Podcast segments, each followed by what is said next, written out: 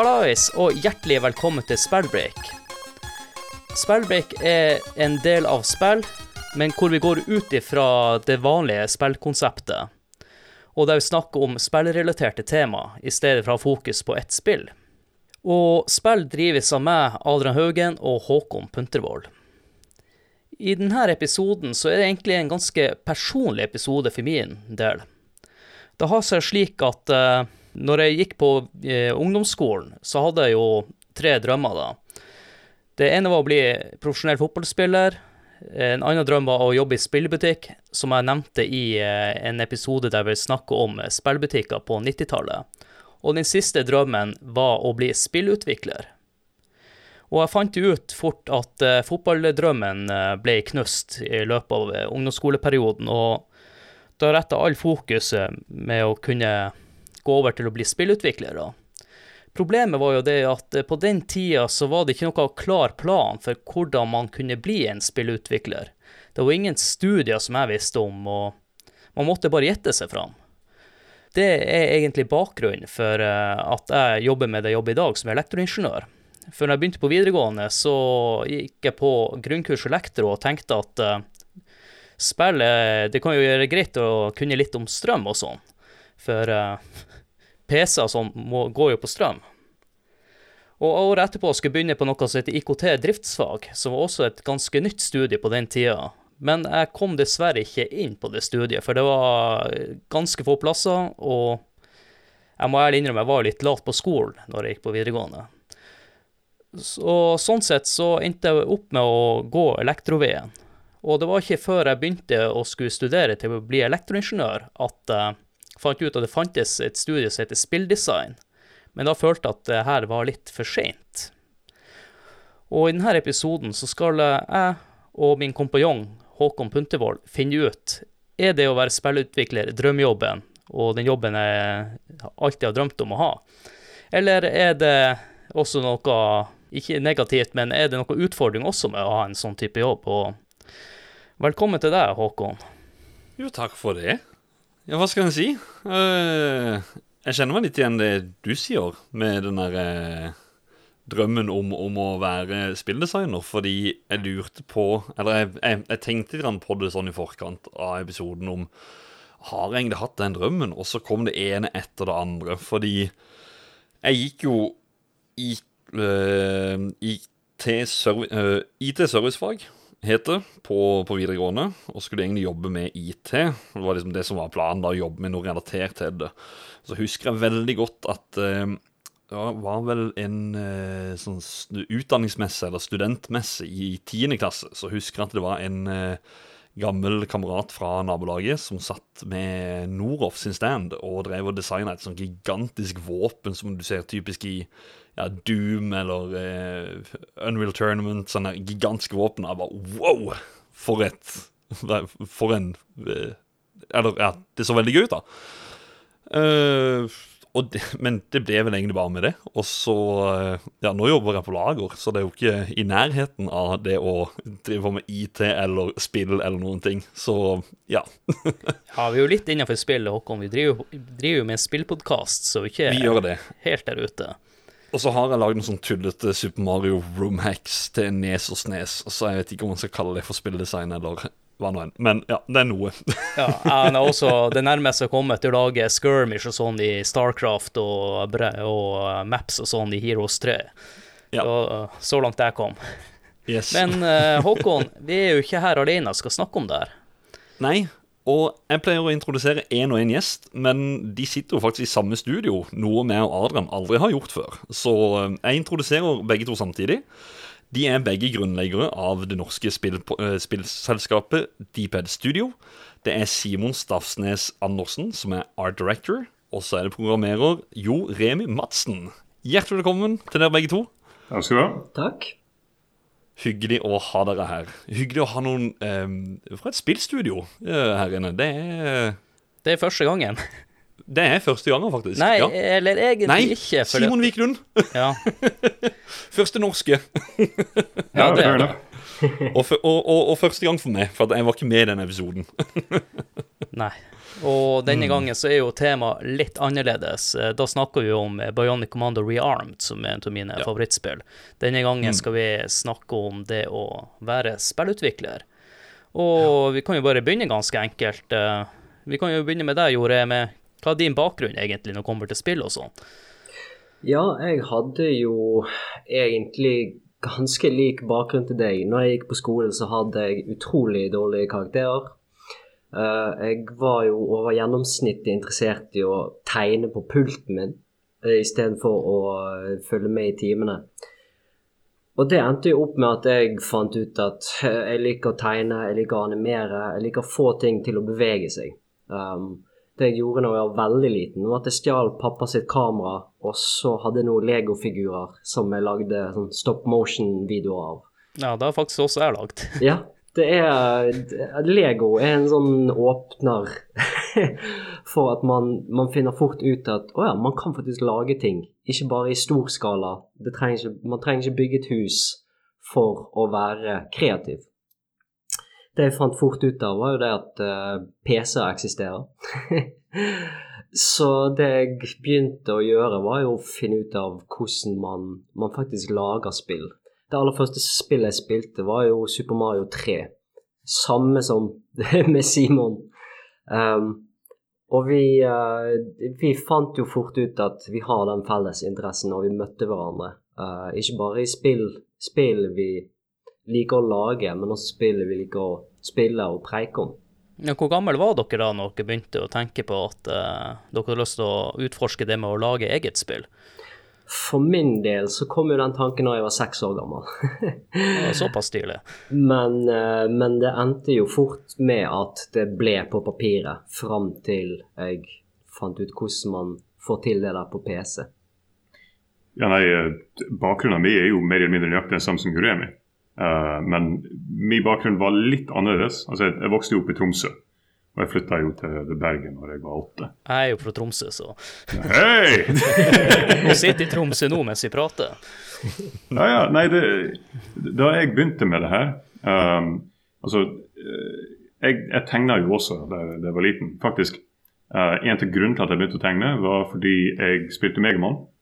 Uh, jeg tror faktisk Megman X ble lansert rett før jeg flytta. Og jeg var så eh, besatt ut av at det her med å du kan lage rustningdesign og greier. Jeg må finne ut hvordan jeg skal tegne sånn at jeg kan designe mine egne. Så jeg hadde allerede det der på tanken da, uh, før jeg flytta ned til Bergen. Og etter at jeg flytta Det endra seg jo ikke. Jeg gjorde akkurat det samme som Jureni. Jeg lagde minifilmer i Lego ved å bruke kamera. og så klikke bare kameraet så fort som mulig av og på, sånn at du får liksom stop motion. Um, men uh, jeg hadde jo et valg da, Uh, fordi familien min ville at jeg skulle på en måte velge hvilken retning jeg skulle gå. Det var ikke sånn at jeg bare kunne velge én ut av dem. Så uh, jeg uh, holdt jo på med mer generelle studier, og så uh, gikk jeg over på tegneform og farge. For det var mer en sånn hvordan kan jeg finne ut hvilken retning jeg skal gjøre. Da endte jeg opp i, med tre valg. Det ene var skal jeg lage tegneserier, skal jeg lage animert film, eller skal jeg lage spill. Og jeg testa vel egentlig alle tre. Uh, faktisk uh, Det jeg fant ut veldig fort, er at hvis jeg skal gjøre noen av de her, så må jeg lære meg digital kunst. Og det er jo verdt å nevne det at digital kunst var veldig i begynnelsesnivåene sine. Jeg hadde jo aldri laga pixel art da jeg var, da jeg var liten. Så uh, mora mi hun gjorde åh, Hva er det heter på norsk? Cross-stitching? Kryss, ja. eh, Kryssnitt, er det det? Ja, jeg tror det. Så det er jo i essensen en veldig primitiv form for, for pixel art. Så uh, da jeg så PC-en til faren min, så var jeg ja, jeg må bare stjele musa på, på PC-en, så skal jeg tegne mine egne spill. Og du lagde jo nesten sine egne sånne dukketeater, fordi du flytta ting rundt i MS Paint, og så så du at det bevegde seg. Uh, men hvis jeg skulle gjøre litt mer kompliserte ting, så måtte du ha faktiske verktøy. Og tingen var på tegningform farge, det fantes ikke i datalinje. Det var liksom Det var akt, og så var det uh, blomsterdekorasjon, og så hadde du drama. Ingen av dem hadde noe som helst med datamaskin å gjøre. Uh, ja, hvor er skolen? Så det. Så det vi jeg opp med å gjøre Fordi jeg ville lage Jeg ville lage Megamann-spill, jeg ville lage Zelda-spill. Ah, det er de to flotte tingene som jeg har lyst til å, å delta i. Um, så jeg pleide å I friminuttene så sneik jeg meg inn i datatimen til de andre klassene mens de holdt på. Uh, og satt der og jobba late som at jeg var en av deres studenter. Uh, og etter hvert så så læreren det at ja, ok, han, er, uh, han, han har litt uh, ekstra interesse. Så han brente meg en kopi av Painter, som var da uh, konkurransen til, til Photoshop back then. Så jeg lærte Det hørtes ikke helt lov, lovlig ut da at han brente det. Han hadde bare, Jeg visste ikke at det var en brent kopi. Han bare sa det, «Ah, her, her, her har du noe som du kan lære deg med. Så jeg bare tok den med hjem og tenkte ah, jeg kan få tegneprogram.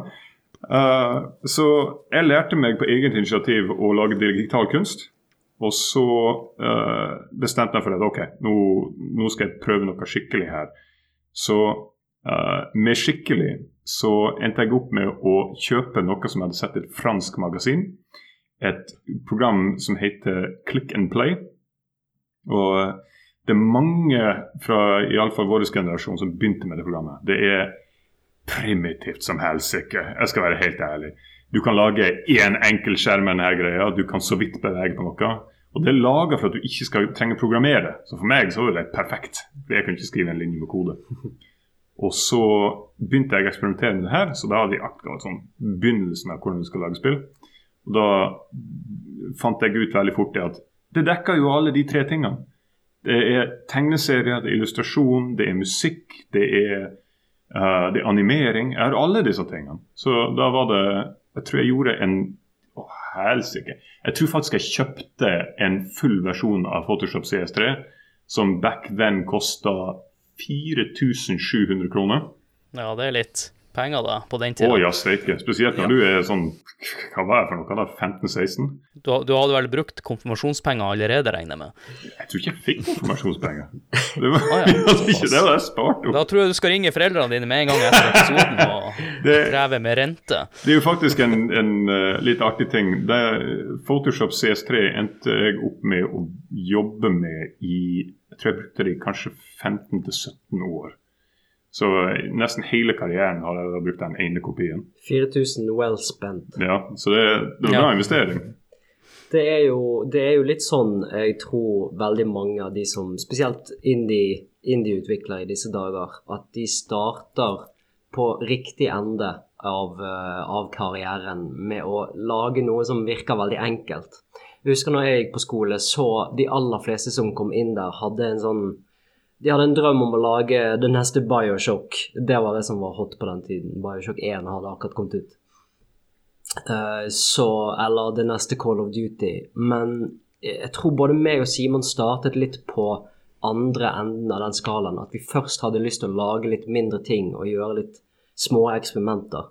Jeg endte jo opp med å lage veldig sånn uh, mobilaktige spill, men det var før smarttelefoner, så det var Det var litt sånn eh, Det var litt sånn forut for sin tid, nesten. Litt ironisk da at vi endte opp med å lage et spill som tok oss ti år. Ja, det, det, det tok noen år, det. Owlboy det er snakk om der. Ja. Ja, For de som hører på, så grunnen til at jeg tok kontakt der med Joremi, det var jo fordi at jeg husker at jeg hadde sett han en gang på VGTV for ti år siden. Men jeg har jo hørt om Owlboy og alt det i ettertid også, men det var første gangen jeg la merke til at det var noen som nordmenn da, som drev på med og lagde spill i sånn indie game-selskap. da. Men jeg må, jeg, må, jeg må si det, Simon, at det, det er litt gøy det du sa med starten her. At du som tegnte det Megamann-tingene, og, og at det var det animasjonen med legofigurer. For jeg husker veldig godt min barndom. Da lagde jeg Paddleman, som var en, en robot som slo vann med, pad, med, med, ja, med paddene sine, eller å- årene. Og så lagde jeg Tomato Man, som Å, steike! Vet du hva, jeg må avbryte deg. Jeg må avbryte deg. OK, vi, vi må gjøre en ting akkurat nå. Så vi, vi har funnet ut en ting, for jeg har snakket med kanskje 100 personer som dette har skjedd med. Ok, Så jeg regner med at alle, alle sammen som vi snakker nå, har tegna iallfall én gang i livet. Ja, Ja, ja. Hva var den første karakteren dere husker å designe? ja sånn, sånn eh, å tegne ut fra et spill, eller Bare tegne eh, noe rett sånn, ut sånn- av hodet. Nei, Det er vel sikkert en eller annen robot, tenker jeg. Ok, fordi både min og Joremi sin, hvis jeg husker rett, var begge frukt. Jeg lagde en eller annen slags eple som drev og vandret rundt omkring. Juremi, jeg tror du også lagde et eple. Ja, min het Grapey, og han kunne forandre seg til en banan. Og jeg lagde et lite spill av det, hvor man skulle løpe ut i et vann, og før man traff vannet, måtte man forandre seg til en banan.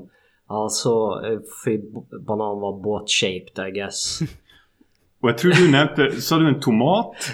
Ja, ja, det var Tomato Man. Eller, to, jo, Tomato Man kalte han vel. Det var liksom for å ha det der Megamann. Megaman. Men, men som, som første Robotmaster som jeg har tegnet, da, så er det første, første tingen jeg tenkte. Så eh, litt på samme Ja. vei. Teorien Jeg er ganske sikker på at uh, Turtles var det første jeg tegna. Ja. Ja. Ja, men det betyr ikke at det var bra eh, tegninger. Men det var i hvert fall forsøk på Turtles. Ja, nei, det var Uh, Nei, det var i hvert fall det, og så brukte vi jo mye det der eh, Lego Studios, heter det vel. Det var der du hadde der kamera som var legoforma, som du kunne ta bilder, og så fikk du animert inn en sånn Lego-film, da. Da lagde vi mye, mye moro ut av det. Så jeg har vært på riktig vei i starten, da, så jeg vet ikke hvor det stoppa. Men, men jeg kjenner meg ikke helt igjen i han Håkon sin eh, barndomsminner, fordi jeg er fem år eldre enn Håkon. Sånn at eh, når han forteller om sine barndomsminner, så er det litt sånn Det er jo noe nettopp. Ja. Ja, det var ikke, det var ikke utvikla når, du, eh, når du var på min alder. Men eh, som jeg skjønner det, så eh, begge to hadde litt mer sånn designbakgrunn. Fordi at Jeg husker når jeg begynte på videregående, eller andre året da, så ble jeg jo kjent med noen som jobba med IKT-driftsfag. Og han ene der, han lånte meg sånn kodebok, husker jeg. For jeg tenkte jeg skulle eh, teste ut programmering. Jeg vet ikke om det var den beste måten. Jeg, jeg setter jo veldig stor pris på at han eh, lånte meg den kodeboka, og jeg begynte å se på det, men eh, jeg skjønte ikke så mye ut av det. Eh, Eneste jeg kan slå i bordet med, at jeg har en god fantasi, men jeg er verken flink å tegne eller å eh, programmere. Så jeg vet ikke engang om jeg har hatt mulighet til å drive på med spilldesign i det hele tatt. Eneste jeg kan slå i bordet med, at jeg har god fantasi og men jeg vet ikke om du kommer langt med det, for jeg har inntrykk av at de som driver på med spill, er enten gode å tegne som dere og designe ting, eller programmere. Og så kommer jo selvfølgelig musikken, der kommer litt inn fra sida. Det spørs vel hvor, eh, hvor mye fokus man har. Men jeg kan jo si det er jo plenty med roller innenfor spillindustrien som ikke er direkte uh, involvert i produksjonen av assets, f.eks. Mm. Um, du har jo eh, altså Testejobber og sånt her er jo en integral del av, av hele prosessen. Men eh, det høres litt rart ut, men eh, hvis du ikke tegner, ikke lager musikk og ikke programmerer, ofte så fungerer det bra som regissør. Eh, så lenge du har et godt hode for hvordan spill faktisk skal fungere, Mm. så er jo det en, en veldig viktig del av prosessen. Altså, når vi driver og designer spillene våre, det er jo en, en sånn vanlig analogi at du, du går med mange hatter på, på kontoret. Men en av de hattene er jo at vi skal være designere. Og du skal ha et øye for hva publikum ønsker under hver tid. Det er som at du skal leke psykolog. Det hvordan gir du verdi til et område som egentlig bare er en tube du går gjennom. Mm. Uh, og det er Sorry. Det er, um, det er sikkert mye du kan gjøre der som egentlig ikke har noe som helst med, med kunstdelen å gjøre. Så lenge du kan kommunisere det til andre og uh, hjelpe å rettferdiggjøre de valgene du har tenkt å ta. For, for to uker siden så var det en game jam i uh, Oslo som het Scenario. Som var, eh, gikk ut på akkurat det der. Der inviterte de folk som helst ikke har bakgrunn innen spill i det hele tatt, men som sitter med en sånn drøm å lage noe spillrelatert. Eh, og de manet jo til at eh, hvem som helst kunne komme. Regnskapsførere, lokomotivførere, eh, hva som helst. Sant? Alle slags førere. så, lenge de, så lenge man sitter med en idé og litt kreativitet, så kan man begynne med bare bones-utvikling. utvikling. Jeg sjøl begynte jo, når jeg fikk min første PC, så lagde jeg jo spill i PowerPoint. Fordi jeg, jeg ante jo ikke hvordan jeg skulle lage spill. Hadde jeg, hadde jeg begynt på den enden av spekteret hvor, um, hvor jeg fikk en sånn svær bok med How to program games. vi fikk jo sånne på skolen. Sånne eh, Java 101 som var tjukkere enn Bibelen, liksom. De gudebøkene 'Make video games for dummies'. Ja, Er det de der der. Og med en gang du begynner å lese dem, så mister man litt troen på at man sjøl kan lage det. For det er ikke gøy å gå gjennom en sånn bok og prøve å finne ut av hvordan man gjør det. Måten man finner ut av det, er at man må få hand dirty, holdt jeg på å si. Bare bot opp PC-en, lag et eller annet i paint, lag et uh, pitchedokument. Altså bare skriv ned ideer. Så er man allerede på god vei. Jeg, jeg tror det egentlig er det der som var min fallgruve, da. Fordi at uh, når jeg gikk andre på videregående, så blir jeg 17 år. Sånn at eh, jeg skjønte allerede at jeg ikke hadde programmeringsskillsen og sånne ting, så jeg, jeg la jo den drømmen på is da. Så jeg skulle ønske at det gikk en annen vei, da, som, som du snakker om her, gjorde jeg med at man prøver å feile litt med litt enklere programmer. På den tida så Internett fantes jo, men i 2001 så var det ikke bare bare å finne de plassene. Det var ikke så mye åpent snakk om spilldesign. Og jeg har jo snakka med eh, en på retromessa. Han jobba for Rare. Han var bare 19 år da han begynte å jobbe for Rare. Og han, en annen snakka med, en som heter David Doke, som jobber med Golden Eye. Han er faktisk den ene professoren helt i starten av eh, Facility, han du prater med. Eh, Han jobber egentlig bare med å serve eh, de Silicon Graphics-maskinene.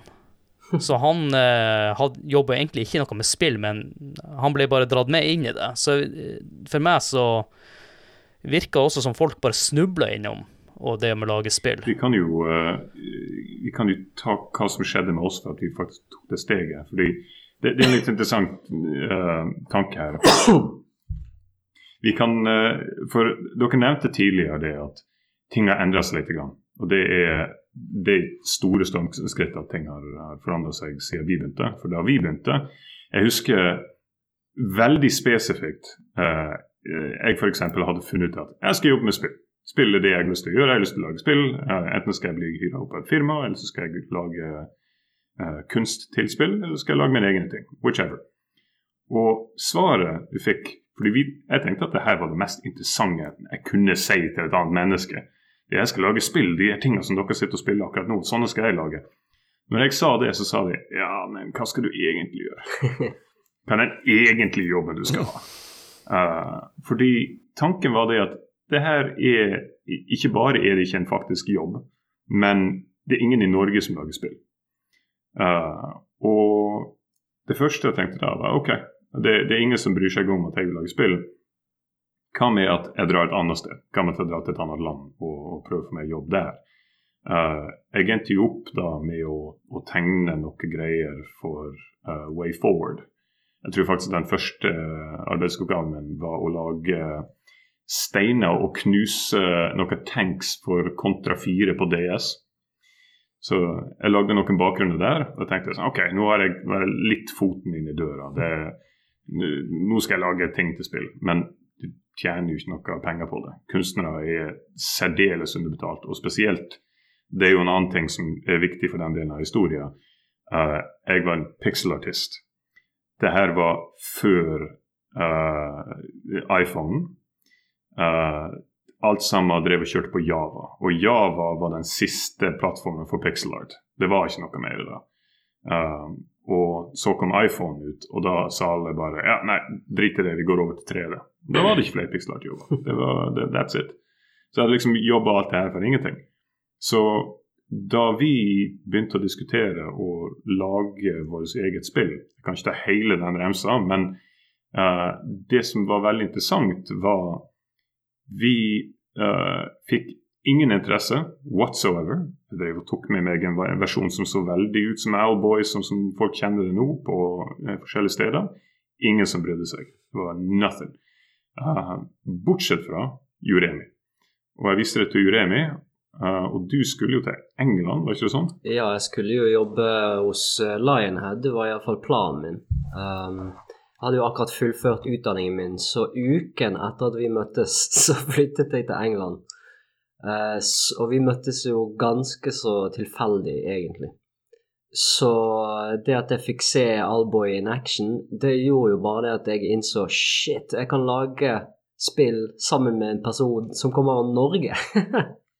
Og, og det, det utrolige var vi, vi hadde jo egentlig ingen sånne enorme ambisjoner for det. Bare vi skal lage et spill, og skal det være artig, og så kan andre spille det. Men vi sendte det inn til uh, IGF, Independent Game Festival i uh, San Francisco på Game Developers Conference. Og out of nowhere så ble vi pinadø nominert. Og da var det en hel greie med at vi fikk vår egen bod. uh, vi skulle dra til San Francisco for å vise spillet fram.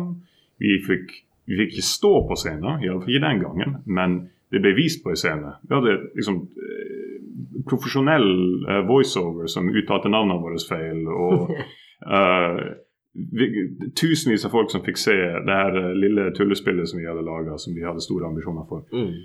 Og så kom vi hjem, og det er her tingene endrer seg.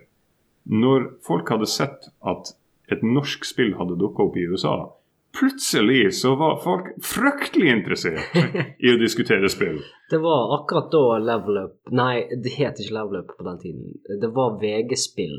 De tok kontakt. eh, og da husker jeg veldig godt at etter at vi hadde hatt intervju med de, da fikk vi veldig mye um, sånn oppmerksomhet generelt, spesielt i Norge. sant? Ehm, vi søkte filmfondstøtte, vi begynte å dra på messer. SpillExpo dukket jo opp for første gangen i 2012.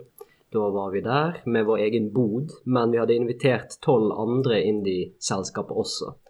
Så, så back then så startet det en bølge med, med utviklere i Norge som vi føler at vi var med på å starte. Um, vi var iallfall helt, helt i begynnelsen når det begynte å dukke opp. For vi var det første spillet som hadde dukka opp uh, som ikke var del av Funcom og Playfish. Uh, som hadde dukka opp på denne nye indiebølgen. Og indiebølgen var jo noe nytt. Uh, før så gikk du gjennom de standard publiseringskanalene. Da er det um, du lager et produkt, du tar kontakt med en publisher, og de tar seg av mer eller mindre alt det du gjør. Og så dikterer de en god del av prosessen for en viss sum. Det var sånn som det funka, og så hadde du et stort nettverk med ting. Det som var nytt med oss, og som jeg tror faktisk var en av de første som vi gjorde, var at vi gjorde alt alene. Vi lagde hele spillet sjøl, vi promoterte alt sjøl. Vi lagde ting fra scratch, og vi begynte på et helt ny plattform. Da, da vi lagde Alboy, så var det til uh, Xbox Live Arcade, uh, der vi brukte XNA, uh, som var det første språket C-sharp var kommet ut av? Ja, det var ment for at um, indie-utviklere spesifikt skulle få lov til å gi ut spill på Xbox. Men det, sånn som veldig mange andre Xbox-prosjekter, så ble jo det druknet ganske kjapt. Uh, så vi fant jo ut at uh, hmm, Steam eksisterer. Skal vi kontakte de og høre om vi kan lansere spillet der? Og det var da vi faktisk fant ut at ok, vi fullfører dette spillet så lenge Så lang tid det måtte ta.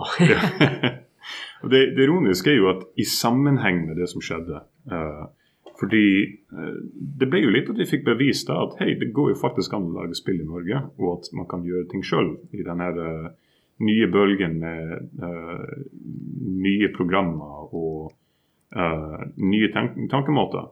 Så begynte vi plutselig å bli kontakta av folk som ville eh, ha feedback på hvordan de kunne legge det her inn i faktiske klassetimer. Mm. Så det var jo også en helt ny ting for oss at uh, de som så oss på, på bl.a. VGTV, uh, etterpå så det som inspirasjon, og så gikk de og fikk seg spillutdanning.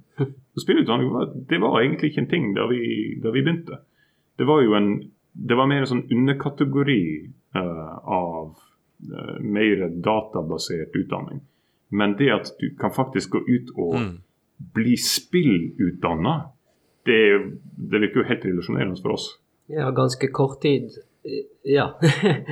Ja, så dere gikk ikke den spilldesignlinja på høyskole og universitet? Jeg gikk spillprogrammering på NITH, det var ikke før Jeg tror det var året etter at jeg sluttet, at de fikk spilldesign inn. Og da var det vel tre eller to tilbydere i Norge som hadde uh, spilldesign som fag. Og det var vel Noroff og NITH. Seinere Westerdals. Um, men uh, det var jo selvfølgelig skamdyrt. Og uh, det å få seg jobb innen spilldesign, det er rimelig vanskelig. Med mindre man da faktisk starter for seg sjøl. Så et sånt type kurs, det skulle jo vært det å etablere seg samtidig som man lager spill, da. Og for, eh, for meg Jeg dro jo til, til Nordoff-instituttet Fordi jeg hadde jo et ønske om at ok, jeg skal, jeg, jeg skal gjøre dette i de offisielle kanalene. fordi det, er jo en veldig sånn norsk mentalitet. det at Du skal gå på skolen og skal du gå igjennom alle de, de kursene som du har. Så får du diploma, og så er du god til det du gjør. Uh, men jeg dro til, til Noroff, og de hadde en, uh, et kurs som heter 3D-design og animasjon. Og Ideen er at du skal ta to år med 3D-filmskaping og så på tredje året så hadde de en greie med, med, spillutvikling. Så jeg tenkte yes! OK, jeg bare lider meg gjennom to år med, med 3D-filmskaping, og så kan jeg hoppe over på spillutvikling. Uh, og det som endte opp med å skje, var at jeg gikk det første året, betalte dyre dommer og et enormt uh, skolelån. Og så uh, stengte de ned hele linja etter det året. Så jeg fikk aldri en offisiell utdanning på det. Så da bare bestemte jeg for at da driter vi i det. Jeg lærer meg alt sjøl. Eh, ja, for det, det, jo det jeg har inntrykket med når jeg, eh, gikk på høyskole, da, at de som gikk spilldesign, de kunne egentlig alt de lærte. Så det eneste de var der for, var egentlig for å få bestått fagene, og de fleste sleit med fysikken og matematikken. Ja. Det var ingenting med eh, når det kom til programmering og, og, den biten. Det virker som, i hvert fall på meg, at alle kunne det de lærte på skolen. De måtte bare gjennom det her systemet. Og det igjen mm. er jo en sånn eh, Altså, sånn er det jo fordi at vi har Spilldesign er så nytt, og lærere, de eksisterer nesten ikke i det faget der vi har liksom ikke Altså, hvis du er god til spilldesign, så er du spilldesigner, og du er ikke nødvendigvis en lærer. Spilldesign er litt vanskelig å uh, lære vekk, med mindre man allerede kjenner til Altså er veldig glad i spill, sant. Og da, er, da kjenner man på en måte til gamedesign også. Hvis man har spilt veldig, veldig mye spill når man er liten, eller i, til og med i voksen alder, så kan man allerede da klare å finne ut hva er det som gjør at et spill er bra. Ja, og det er ofte Det er jo mer en, en personlig tanke på det, da. Men fordi eh, måten skolen er satt opp Og det er, ikke, det er, ikke, deres feil, det er bare sånn som er praktisk. Um, Skoler må ha et visst system på hvordan de lærer deg ting. Uh, folk må være litt mer uniform, eller så sklir du ut av pensum, og nå har vi et problem. Da klarer ikke vi å lære alle samme ting. Og spesielt på et fag som er såpass lite som spill, uh, i alle fall i Norge som et system, så har det en tendens til at de fleste velger litt de samme tingene å lære folk. Og når det skjer, så ender det opp med folk som kan ca. de samme tingene. Uh, og uh, det er jo selvfølgelig mange av de som er veldig kreative og kan finne ut av ting sjøl. Men det, den prosessen av å lære folk til uh, lønner seg best til, det er at du skal bli ansatt et sted. Fordi da vet de hva de forventer av noen som kommer ut av skolen. Så når du, f.eks. hvis du ser på noe sånt som ArtStation, uh, det er jo et veldig vanlig sted for folk å bli, bli hyra inn til sånne her designjobber. Men mye av det er veldig mye i den samme på en måte sjangeren uh, med, med, kunst og måten de blir lært opp til å lage ting. Uh, og det er jo et veldig vanskelig spørsmål å løse. Det, hvordan lager du et form for eh, pensum som gjør at du kan være mer kreativ med hvilken retning du ønsker å gå. Og det tror jeg kommer Vi kommer kanskje til å finne ut av det etter hvert. Uh, det er jo veldig tidlig i prosessen ennå. Uh, vi er fremdeles på det nivået at vi, vi er ikke helt sikre på hvordan vi skal definere de forskjellige sjangrene som uh, vi skal lære folk opp i. Mm. Og hva systemet skal vi bruke. Uh, hva engine skal vi bruke. Um, så jeg, regner vel med det at det er ting som vi finner ut av etter hvert. Men nå i begynnelsesfasene så tror jeg det er der uh, det, det er der den retninga går. Eh, Jeg tenker at eh, vi tar en liten pause nå, så når vi kommer tilbake, så kan vi snakke litt mer om eh, Dere var inne på det i stad, det med å gå indie. For jeg har litt lyst til å vite hvordan det er å gå indie. Hvordan får man tak i penger man skulle leve av der? Og det tenker vi vi skal gå litt mer inn på det etter pausen.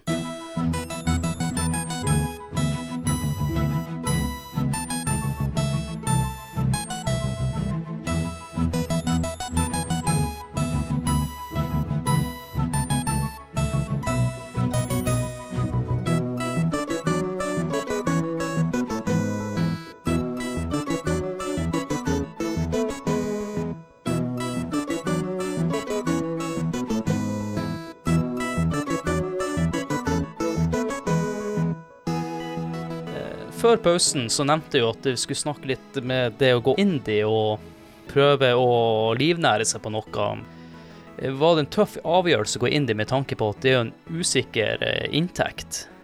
Det var jo eh, Det ble jo tøft over lengre tid. Men det å bestemme seg for det, det var en veldig enkel eh, affære. det var liksom egentlig ikke noe valg. Vi begynte jo bare å jobbe sammen fordi vi syntes det var dritartig. Så jobbet vi jo på Alboy, og veldig kort tid etter at jeg begynte å jobbe på det, så ble vi jo nominert til IGF. Det var bare noen måneder etterpå at jeg fikk vite at vi skal til USA. um, og da um, Da var det egentlig bare fullt kjør derfra til lansering, nesten. Det var liksom ikke noen vei tilbake. Men, eh, men det var ganske tungt. Vi eh, Jeg hadde jo ikke fått meg jobb. Um, så vi, eh, vi ble jo Vi fant jo ganske fort ut at vi må finne en eller annen måte vi kan jobbe med dette her. Og det, det vi fant ut av, er at vi må bare jobbe hjemmefra. Jeg må høre med min mor om jeg kan flytte hjem. Jeg bodde jo i England på den tiden, fordi jeg skulle jo prøve å få meg jobb i utlandet. Um, og så sa jeg til min mor uh, du, vi har uh, bestemt oss for å jobbe et prosjekt med et prosjekt uh, som har veldig stort potensial. Og min mor og min far har en leilighet ved siden av huset sitt um, som jeg pleide å bo i da, før jeg flyttet. Og der fikk Simon lov å flytte inn. Så da ble meg og Simon naboer plutselig, og vi kunne jobbe hver eneste dag på Alboy. Fra mer eller mindre fra vi våknet opp til vi gikk og la oss, satt vi og jobbet.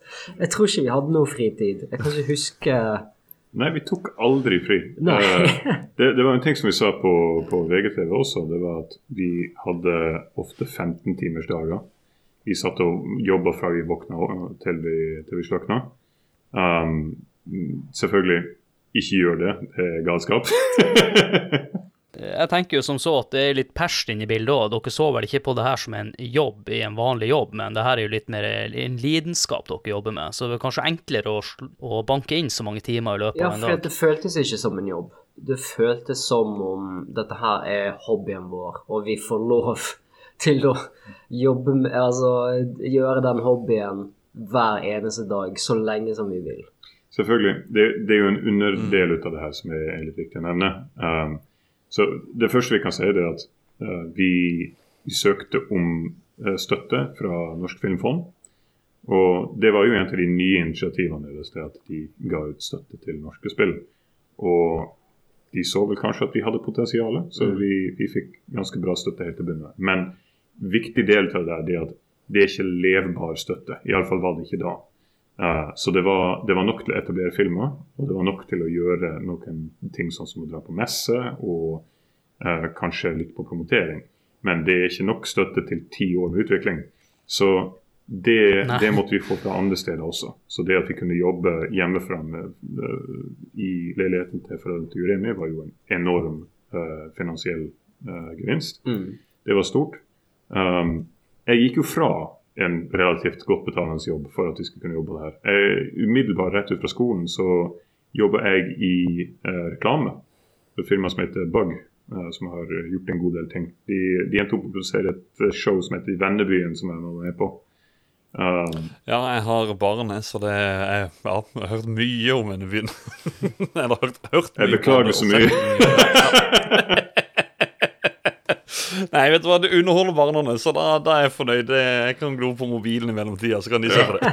så jeg, eh, jeg, jeg var med tidlig i prosessen på å pitche det der. Og så, når jeg var ferdig med så gikk jeg over på å jobbe fulltid sammen med, med Joremi. da. Men jeg gjorde jo også en god del ting på sida også. Uh, jeg fortsatte å, gjøre, å lage assets for andre spill. Uh, jeg, jeg vet ikke hvor mange prosjekter jeg har vært del av som nesten ingen vet om. Eh, mye av det for Way Forward, selvfølgelig. Men deler av jobben min, og det er Jeg tror ikke det er noen som vet det her.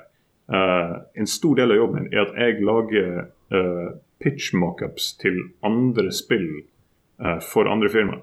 Så mange av de spillene som dere har sett som har kommet ut i senere tid, som «Hæ, hvor, Hvordan fikk de gjennom den der? Det er ofte meg, eh, men jeg får ikke lov til å si hva det har gjort. Den eneste som jeg kan si som jeg har, har vært med på, på pitchen, fordi det skifta hender etter at det kom ut.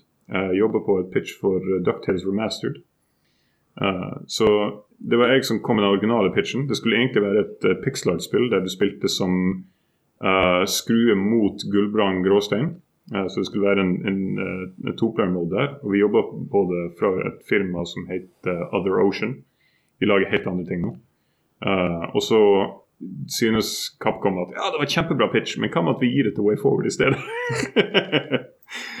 så, men jeg har gjort, jeg har gjort masse sånn på sida, da. Uh, og uh, til tross for at det ikke alltid er like lukrativt, og det er jo frustrerende så det er at mer eller mindre alt arbeid som har gjort, er NDA for eternity. Uh, så har alle de pengene bare blitt skutt tilbake inn i Dpad.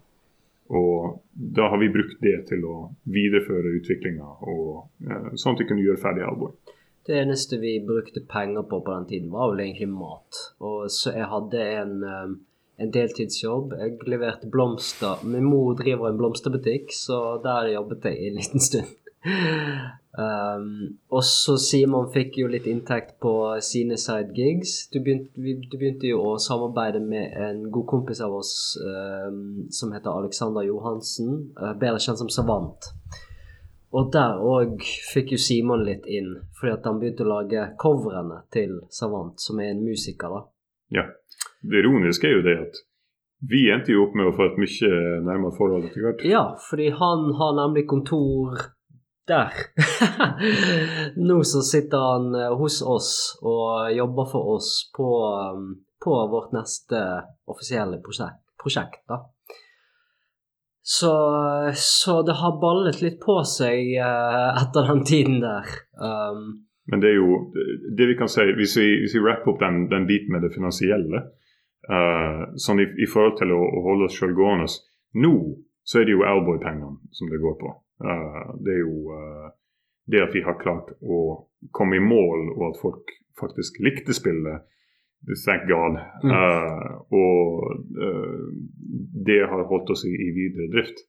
og nå så blir det jo en litt mer sånn tradisjonell retning med at ok, så må vi lage et nytt spill som folk synes er, artig å drive med. artig å drive med, artig å spille. og helst ikke bruke ti år på det. Ja, men det er jo også Uh, jeg skjønner jo utmerket godt at mange sliter med å komme seg til det nivået. Det er jo det er en tung prosess der, og ofte så må du gjøre en del ting som du ikke har lyst til å gjøre. Ta sidejobber og gjøre på en del andre ting. Men hvis du har, hvis du har energien til det, og for oss så var det jo Det var ikke spørsmål engang. Ja ja, selvfølgelig tar vi noe sidejobb. Vi må jo fortsette på Alboy. og vi var som sagt veldig privilegerte i og med at vi fikk uh, Altså, våre, våre, foreldre hadde tro på oss, så de støttet oss hele veien. Jeg tror også det var en fordel for dere. eh, Det er jo ikke så normalt heller, den boosten dere fikk når dere var i USA også, der at uh, dere ja, at folk fikk se spillet og hadde trua på det. Det hjelper deg videre med prosjektet ditt. Men det er jo ikke alle som starter indiespillselskap som like heldige som dere, at uh, nesten med en gang dere uh, setter i gang, så uh, får dere vært borte i USA, og folk får sjekke ut spillet deres. Men det var jo også en, en veldig unik situasjon med oss også. jeg har jo ikke for så vidt nevnt det, men planen for Alboy, altså grunnen til at jeg begynte på det før jeg traff Joremi, jeg nevnte jo tidligere det at idet vi begynte utviklinga, så ble smarttelefonen annonsert. Jeg, jeg, husker jeg gikk inn på kontor på å, hjelp og trøste, på reklamefirma, fordi jeg jobba fremdeles der jeg drev og, og testa ideen til Alboy. Uh, så var det noen som kom inn med en iPhone. Da tenkte jeg shit, that's it. Nå er, nå er ikke det flere pixelart-jobber. Da er det den karrieren død. Um, men så satt jeg og tenkte OK, det er en helt ny ting nå som blir annonsert, som heter Nintendo Revolution. Uh, den ble jo omdøpt til, til Nintendo Wii etter hvert. da. Men uh, hele ideen der er at uh, it's a new way to play. Vi skal, skal forandre helt. Og det var jo da casual-markedet dukka opp. Og som da senere iPhone adopterte og tok over til, til AppStoren sin.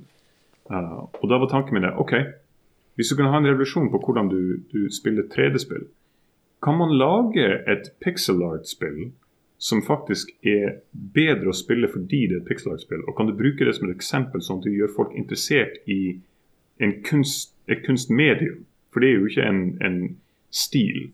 Og uh, det, også, det var også en veldig rar mentalitet da at spill var utdatert hvis det var laga todimensjonalt.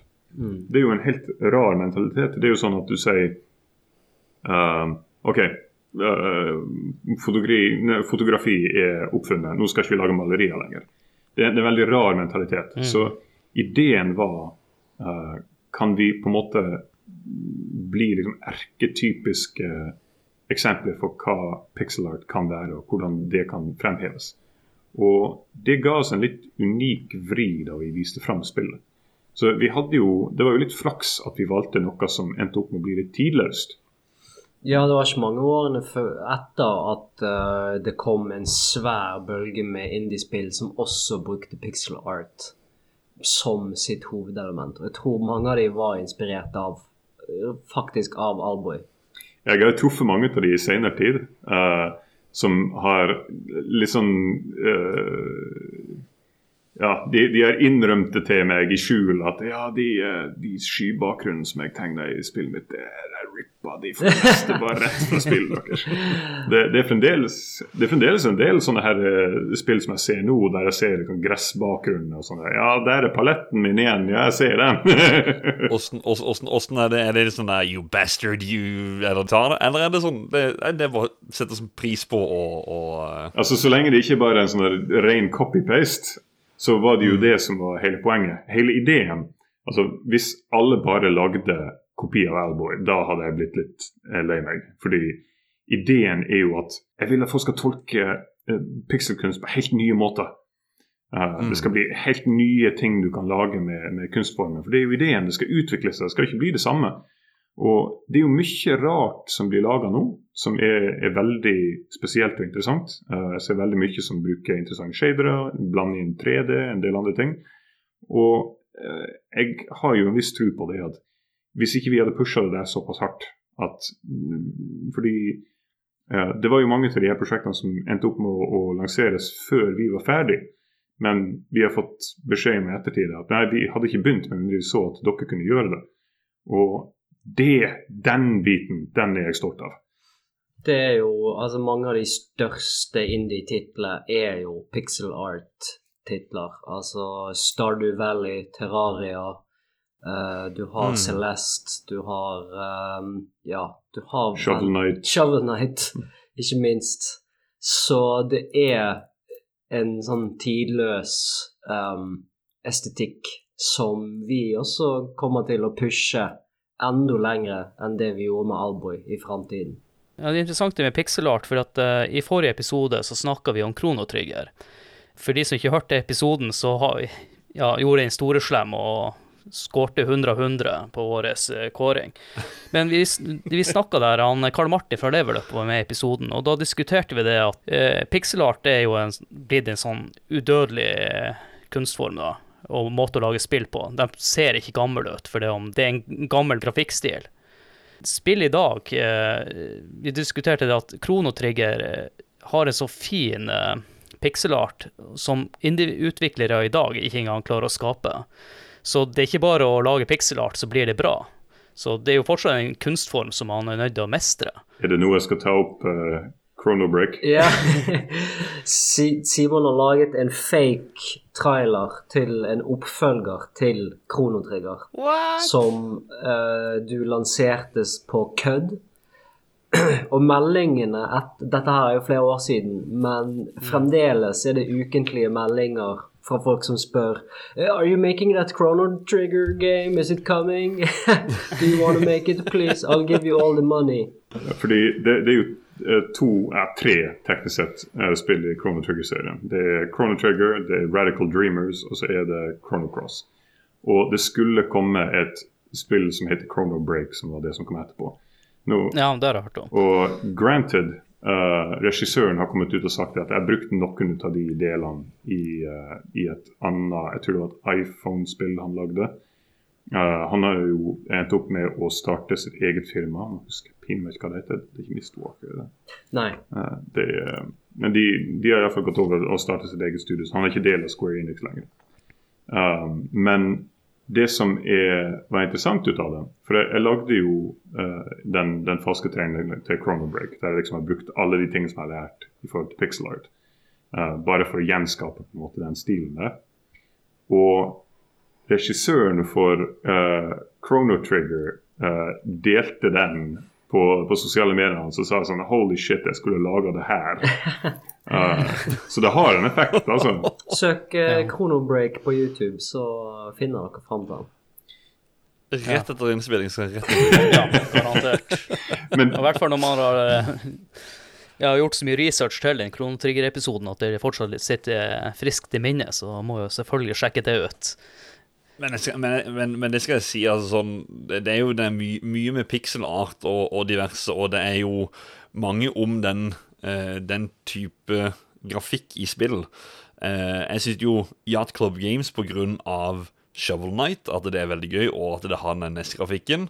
Og så er det Det skal dere ha, da, syns jeg. Altså, Deephead Studios, dere, den grafiske den, Nei, altså, pixelarten dere har, er det er, det, det, altså, du kan ikke Det er ikke til å gi en score, nesten, for det, det, det er så massivt. Det, det er så bra. Det, det er ti av ti. Bare sånn hatten av med en gang. Jaha. Rett og slett. Det, det, det syns jeg det fortjener. Håkon promoterer en framtidig episode allerede her. Ja. Ja, det er ett et poeng per år vi eh, jobbet på det, så det er flott. Ja. ja. ja. Nei, nei, det er, nei, så det var, jeg måtte bare få sagt det, i hvert fall sånn siden vi snakker om de forskjellige typer stilartene, så er det en ting er sikkert at eh, er det noe, noe spill når det står Deep Head Studios, så er det Yes, da vet vi at grafikken er sweet. Og så var det jo Det var jo en blanding av veldig mye som gjorde at Alboy var verdt å jobbe på. Det var jo selvfølgelig dette med pixel-arten, men vi fikk jo utfolde oss på en veldig personlig måte via storytellingen også. Uh, Ja. Og det var jo um, Det er jo litt der vi nå er, at vi har så mye å fortelle at vi vi har jo nye ideer stadig vekk. men eh, men eh, nå skal vi jo prøve å fokusere på å faktisk få noe nytt ut. Um, vi er jo perfeksjonister, og når det kommer til kunsten, så pushes jo den veldig hardt også. Um, så vi gleder oss veldig til å vise hva neste prosjekt blir. For vi har jo vi har jobbet med veldig mye forskjellig. Uh, jeg tror ikke noe er farlig å si at vi har testa veldig mange prosjekter. Uh, for det var jo det var del av det vi ønska å gjøre da vi sa altså, OK, hva er grunnen til at vi, vi lager disse spillene til å begynne med? Og det jeg tror vi kom fram til, det er vi vil kunne bare iallfall tjene nok til at vi kan eksperimentere fritt uten at vi føler at det er så ekstremt press. Og det er akkurat det vi har gjort. Vi har, vi har brukt de siste par årene til å eksperimentere masse nye ting. Vi prøver å finne ut av hva det vi faktisk har lyst til å gjøre. Men eh, jeg må bare avbryte litt der. Når dere går for et prosjekt, hvor mye veier det å, som du nevner nå, tjene penger? For det er jo en veldig viktig ting. Og, og hvor mye veier dere det at dere lager spill dere har lyst til å lage? Eller må dere gjøre noen kompromisser her for at dere tenker at våre ideer vil kanskje ikke treffe mengden? Det er litt av begge deler. Så uh, tinget med spillutvikling uh, Hvis du kun går for profittorienterte valg, det ender opp med noe gysla kjedelig. Uh, Eller du ender opp med lootboxes. Ja. Og det er, det er selvfølgelig uh, du kan, Man kan være veldig kynisk på det, og så kan man si det at jo da, man kan gjøre veldig mange kjedelige valg, men folk vil like det likevel. Og Det er, jo- det er mye som har bevist at det er tilfellet. Uh, du har jo enkelte veldig store selskap som i essensen relanserer det samme spillet om igjen og om igjen, og folk er så glad for at de blir utnytta om igjen og om igjen. Um, men vi prøver jo da å, å ha litt sånn moral high ground hvis vi kan det. Men det som er med spill som du liker å jobbe på, er at de har en tendens til å bli bedre, og du gjør de ferdig fortere. Uh, hvis du faktisk liker det arbeidet du gjør, så sitter du litt lenger og du jobber litt hardere og du har litt mer investert i det. Um, selvfølgelig, du kan ikke bare lage ting som du sjøl har lyst til å knote med alene. fordi når du lager spill, det du lager, det er en presang til noen. Du, du lager en presang med hele innpakninga som de skal åpne, og så skal de se det som er inni. Uh, det er sjelden det at du har noen som er med deg gjennom hele prosessen, som sitter og ser på hver eneste lille bidige ting som du legger til. Så uh, hvis du det, det er mange utviklere som jeg vet, som, som lager spill som de tenker dette har jeg lyst til å spille. Men da ender du ofte opp med noe som uh, er veldig, veldig, veldig nisje. Og med mindre du har en del andre folk som også uh, har akkurat den interessen som du har, så setter du deg litt i bås. Så det er litt sånn, du må finne sweet spoten der, der du liker å jobbe på det, men folk faktisk er engasjert om det. Og så prøver de på en måte å dytte vekk alle de tingene som føles som at de er utnyttende og derivative og kjipe. Mm. Hadde vi villet cashe inn, så hadde vi jo laget Alboy 2. Men det er jo egentlig det siste vi har lyst til å sitte og jobbe på. Vi har jo hatt veldig mange Når vi kom ut med Alboy, så tenkte vi It's time to have some fun, og vi begynte på veldig mange prosjekter. Men så til slutt så catcher jo uh, realitetene opp med oss, og vi må faktisk få ut noe til slutt. Og det er det vi sitter og snart tenker at vi skal annonsere, da. Du nevnte, eller Dere har jo nevnt eh, mange ganger nå at eh, dere jobber med Alboy i ti år. Var det noen perioder der dere ble lei eller eh, begynte å tvile på prosjektet deres? Ja. Ja. Jeg tror ikke, tror ikke noen på, på teamet som ikke har slitt med depresjon i en, eh, til en viss grad. Nei. Uh, og det der er jo faktisk tema i Alboy også.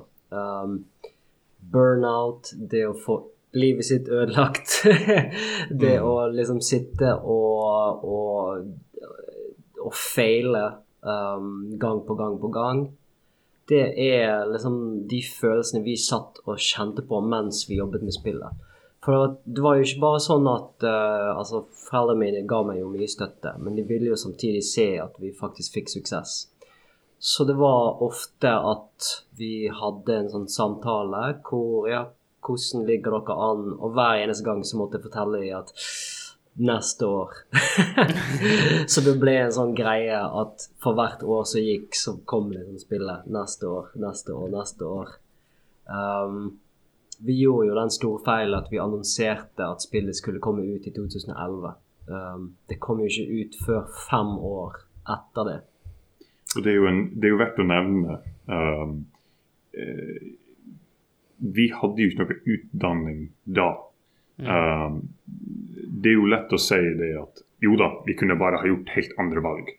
Uh, selvfølgelig så skulle vi bare ha kutta alle disse tingene. Og selvfølgelig så uh, skulle vi ha konvertert koden til sånn og sånn. Og selvfølgelig skulle vi gjort det ditt og datt. Men det her var første gang vi hadde laget et kommersielt spill.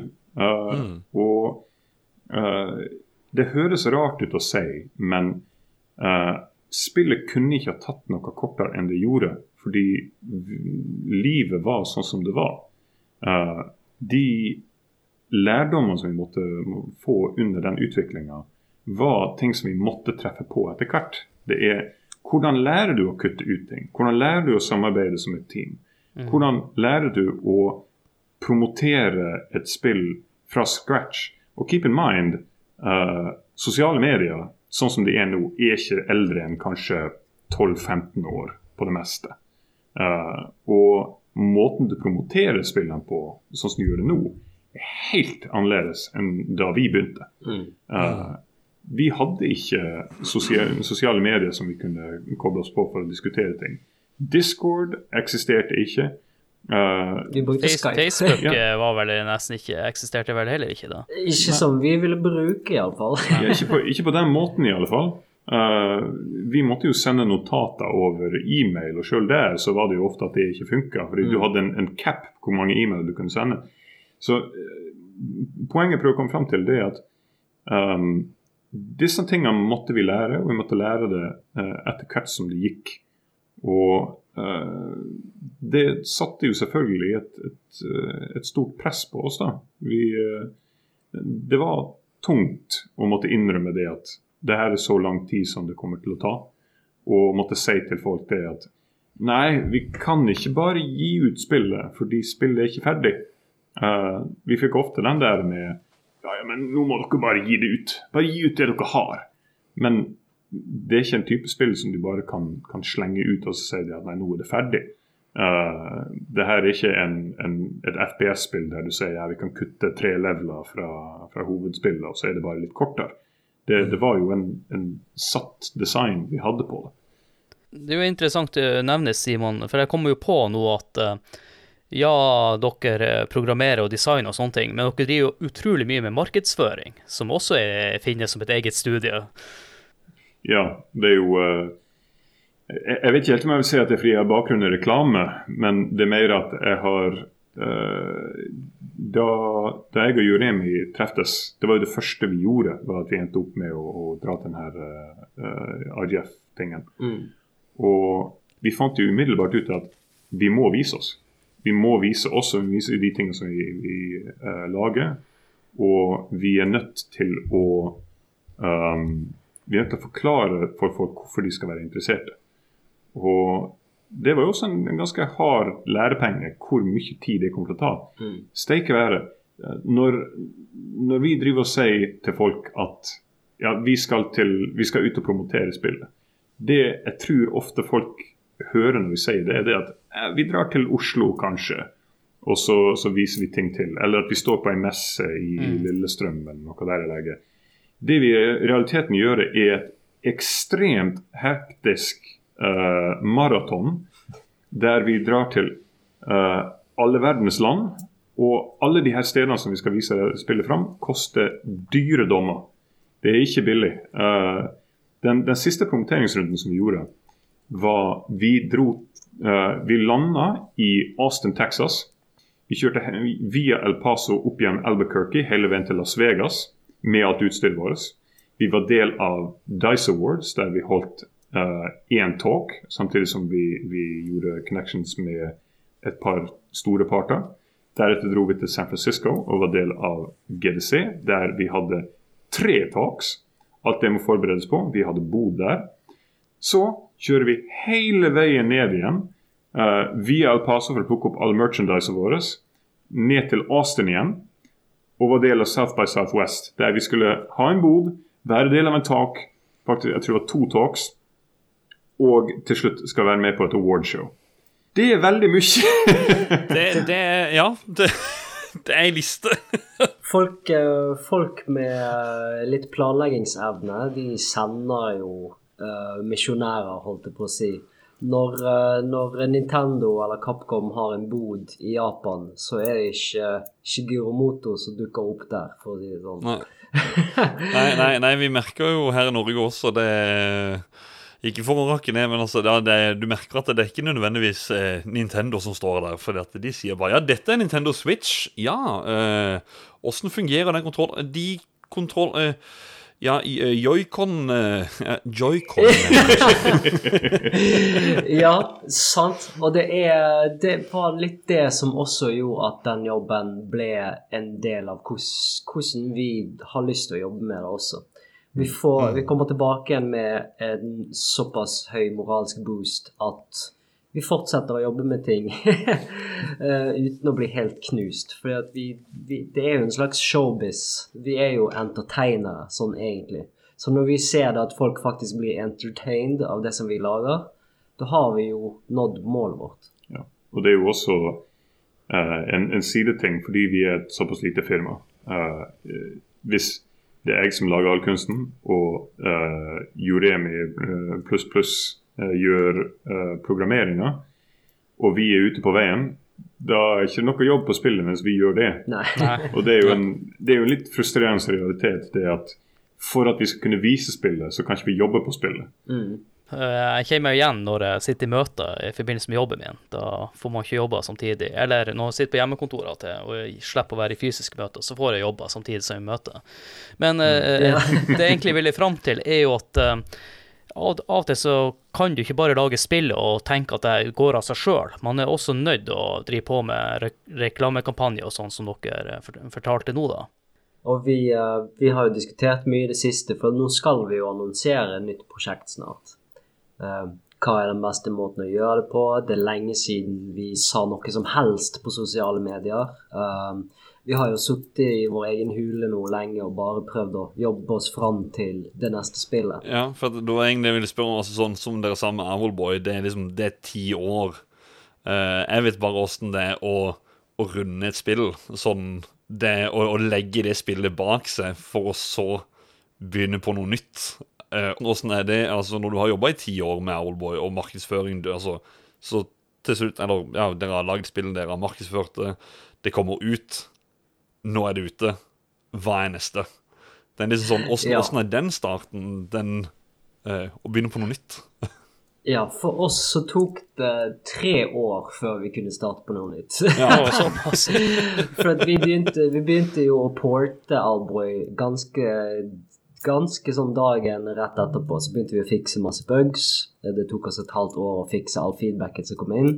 Men så kom jo Nintendo Switch. og Switchen ble jo annonsert. Uh, og da tenkte vi ja, men da må vi få det på konsoll, og det tok oss ett år. Um, og så skulle vi promotere i en lang, lang stund. Spillet kom ut på Switch i 2018. Um, og så promoterte vi til 2019. og så har vi jo begynt på småprosjekter innimellom der, men ikke sånne prosjekter som vi følte at uh, dette her blir the next big thing. Um, Altså, det, det er jo veldig vanskelig å dedikere tida til det mens du holder på med det her. Det, det er jo en veldig flott uh, anekdote der, fordi vi, vi hadde jo det øyeblikket da vi lanserte Hellboy. Det var jo et, et helt utrolig øyeblikk, fordi vi var ferdig, ferdig, mm, uh, og skulle gi det ut på, på Steam. Og så trykte vi, for de har faktisk en sånn stor grønn launch-knapp som du kan faktisk kan fysisk trykke på. uh, så så vi, vi gjorde det, og så trykte vi, og så tenkte vi sånn Er det ute? Men så slo det oss det at når du, når du er på Steam, så har du en, uh, en utviklerversjon som dukker opp på, på dashboardet. Så når vi trykte launch, så ser vi bare utviklerversjonen. Vi kan ikke se om det faktisk er ute for andre. mm, Så eh, for at vi skulle sørge for at det funka, så måtte vi dra ut den eneste PC-en i hele kontoret som ikke hadde uh, Albo installert på seg. Åpne opp Steam, gå inn og kjøpe spillet sjøl. og så trykke på launch-knappen der for å se om det funka. Det var jo, altså, det er jo ikke noe, fare å si det da vi trykte på den, så endte vi opp med å stå der og grine i uh, aldri så lenge. jeg er rimelig sikker på at vi var våre første kunder. Ja, Ja.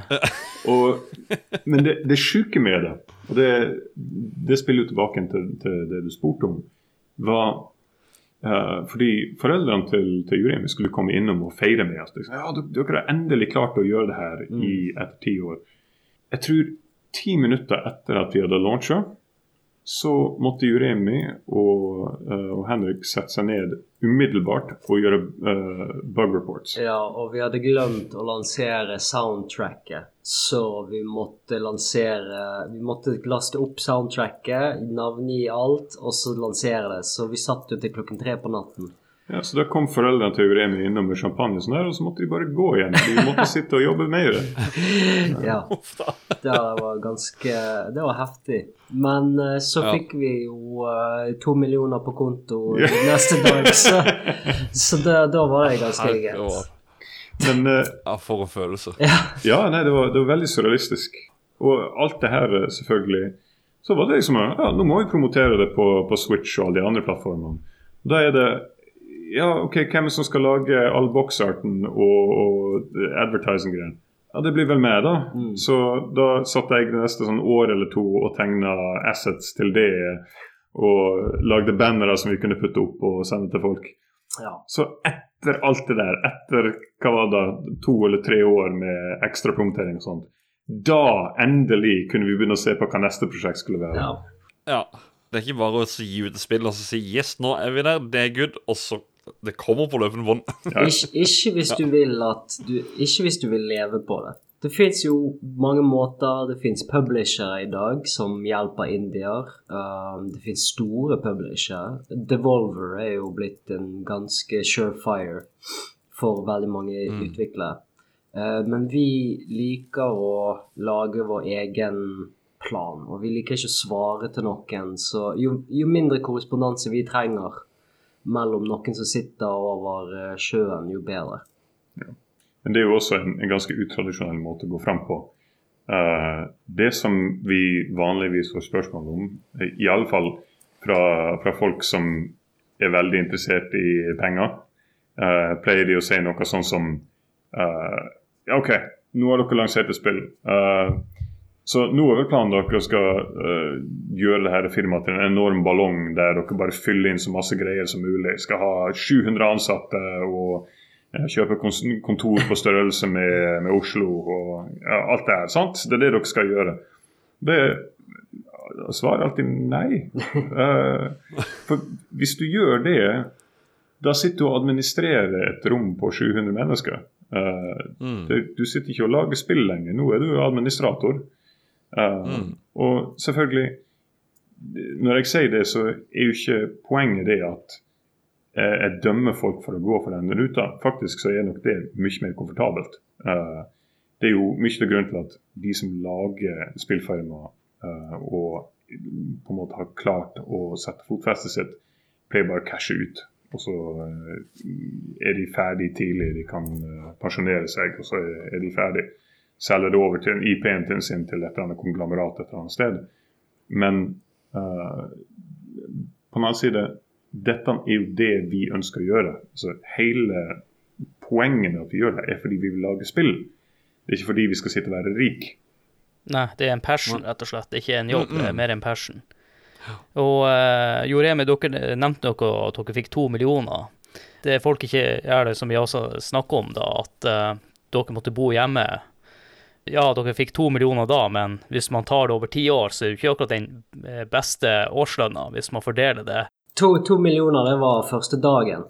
Så, så eh, vi har gjort det veldig, veldig bra uh, siden da også.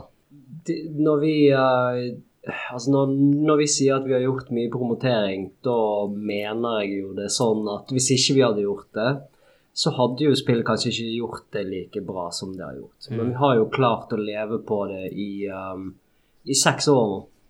Så det Og vi har det fremdeles ganske komfortabelt. Nå er det jo litt sånn at vi, vi må snart komme ut med et nytt et. Ikke bare for vår egen sanity, men uh, vi, uh, vi har jo ikke lyst til å drenere absolutt alle midlene våre på, på tulleprosjekter heller. Mm. Nå har vi jo hatt eh, den perioden hvor vi har kunnet eksperimentere med en del av de prosjektene som vi kom på med før vi lanserte Arboy. Men, uh, men vi har ikke lyst til å være en one trick pony. Nei. vi har ikke lyst til å være kjent som uglegutter, sånn egentlig. Um, vi har vel egentlig lyst til å bli mer kjent for noen som lager regelmessig veldig gode spill. Mm. I mine øyne så gjør dere det. Det er som jeg sa i stad, det er kvalitet. Så fort jeg ser Deep Head Studios, så vet jeg det er kvalitet. Så bra. Det er jo det vi håper mange sitter og tror. Håper de tror det! Ja, men det er jo ikke meninga å høres ut som han negativ her, men dere er jo ei suksesshistorie, vil jeg si. Men det er jo veldig mange andre indie-spillutviklere som har samme drømmen som dere. Men vi må jo kanskje også ta med at det er ikke alle som lykkes. Nei. Man hører som regel om de som lykkes, men ikke alle de titalls som dessverre ikke får det til. Nei. uh, og det, er, det kommer veldig godt det, Altså, mye er jo utgangspunktet også. Meg og Simon, vi, uh, vi startet med dette her når vi var bitte små. Og vi satset på det veldig tidlig. og det var sånn at når vi begynte å lage spill sammen, så var det liksom ikke noe tvil. Det var aldri sånn at vi satt og tenkte hm, skulle vi fått oss en jobb et eller annet sted, skulle vi, skulle vi ha gjort noe annet? Det var liksom bare å pushe igjennom, og selv om det tok ti år, så var det aldri noe tvil. Så det var um, Og det var mange Det var potensielle mange fallgruver um, mens vi jobbet på det. Kickstarter dukket opp. Jeg husker at vi snakket masse om Kickstarter. Mm. Fordi at det var en sånn her surefire-greie. Vi hadde en svær fanbase. Vi kunne bare lage en kickstarter og håve inn noen millioner på dagen. Um, men det er nok en sånn ting som lett kunne bete oss i ræven, fordi det er mange horrorhistorier om kickstarter-prosjekter hvor man har lovet litt for mye, og når spillet kommer ut, så blir folk skuffa. Og det hadde ikke vi lyst til å sitte og Vi hadde ikke lyst til å sitte med den følelsen av at vi har lovet noe som vi ikke klarer å oppnå. Det er jo eh, det, det skal jo selvfølgelig sies at vi har jo vært heldige i at vi, vi har jo litt privilegium i det at uh, vi, vi begynte akkurat i den sweet spoten rett før det ble veldig høy konkurranse. Og eh, selvfølgelig eh, Vi må jo være ærlige. eh, det er jo ikke alle som kommer til å få det til. Det, det er jo dessverre sånn som det går. det at Av og til så dankes det ut av andre, og da går det ikke. Det er jo veldig tragisk. Um, at ikke alle klarer å, å få gjennom et, et, spill som de ønsker. Um, men det er jo også en, en realitet nå uh, med markedet sånn som det er nå, er at um, indieutvikling er vanskeligere, og det kommer til å bli mye vanskeligere. Det som skjer nå uh, Fordi OK. Da vi begynte, så var det helt på begynnelsen av uh, AppStore-markedet. Og det var helt på begynnelsen da Steam Greenlight var en greie, og så begynte Steam å ta inn faktiske folk på, på deres egne vilkår. Uh, det var helt i begynnelsen av at du kunne uh, sjøl publishe til konsoller som indieutvikler. Og det var veldig mye interessant med at ok, du, du trengte ikke gå gjennom en stor publisher lenger. Nå er det masse nye ideer som kommer ut. Det som har endt opp med å skje, det er at mange av de indie-utviklerne som kom ut, har nå blitt Triple A-utviklere. Og de har blitt store, etablerte firmaer, og de har masse ansatte, og de har uh, akkurat de samme fingrene i fatet som de har pleid. Men det som også har endt opp med å skje, er at uh, her, de her store firmaene Uh, mye av grunnen til at indieutviklinga begynte sånn som det gjorde, var det at de store firmaene visste ikke helt hva det var de skulle gjøre. Uh, det var et det var rett og slett et døende marked da. Det var mye på konsollene som uh, de hadde ikke helt klart å finne ut av hvordan de skulle gå over til en ny generasjon. Det var mye etablerte ting som de hadde, men det begynte å bli litt sånn blast etter hvert. Det store firmaer finner ut nå, det er at ja, de, alle de her innutviklerne de har masse ideer, la oss bare ta de. La oss, uh, la oss lage rogelikes og la oss lage uh, uh, infinite time loops og la oss ta de her konseptene som har vært storslagere for indieutviklere. Så har vi, vi, alle pengene, så vi kan lage de også nå. Um, og så har du den tredje faktoren, som tredje, nå viser jeg fire fingre her, tredje faktoren, um, som er at den her Uh, arbeidsprosessen som de her svære firmaene har, er at de pleier å hyre opp folk som er rett ut fra skolen. De er veldig engasjerte, og mange av de kan veldig mange av de samme jobbene. Uh, det er jo litt av det som skjer med skolen og det at folk får lært opp til hvordan de skal bli hyrt opp av et firma. Men måten store firmaer uh, behandler de ansatte på, er at ofte så har du en ganske midlertidig jobb, og så sier de at nei, vi har nye ansatte som kan den samme jobben, og så nå får dere sparken. Resultatet ut av det er at nå sitter vi med tusenvis av ekstremt kompetente utviklere som har industrierfaring. Hva gjør de da? De vil fremdeles lage spill. Da lager de mellomstore studioer som er et sted imellom uh, Triple A og indieutviklere. Og da fyller de på en måte det resten av det tomrommet. Uh, og nå har du plutselig ekstremt stor konkurranse for mer eller mindre nøyaktig de samme områdene. Og så, helt på slutten, så har vi fått en ny utvikling som er, uh, setter hele tingen på hodet. det er at pandemien skjedde. Korona. Uh, og det endte opp med at alle de tradisjonelle stedene som annonserer, eh, E3 er jo døde nå. Det, det er ikke sikkert at den kommer tilbake. Mange av de tradisjonelle stedene som du viser spillene på, er nå gått dørken. Hva skjer da? Alle sammen begynner å reklamere online. Alle de samme stedene som indieutviklere har vist fram til, alle de samme stedene som de her mediumstudioene kommer til å reklamere. Og da har du de virkelig, virkelig store firmaene som har budsjett og markedsføringspenger som kan på en måte bryte seg vei gjennom. Det betyr da at hvis du er et lite firma som akkurat har begynt, uh, du har noen ganske OK ideer, men du har ikke helt fått tid til å bryne deg fram til hvordan du skal vise deg i media ennå. Nå er det veldig hardt. Du, du har mye i, i vente.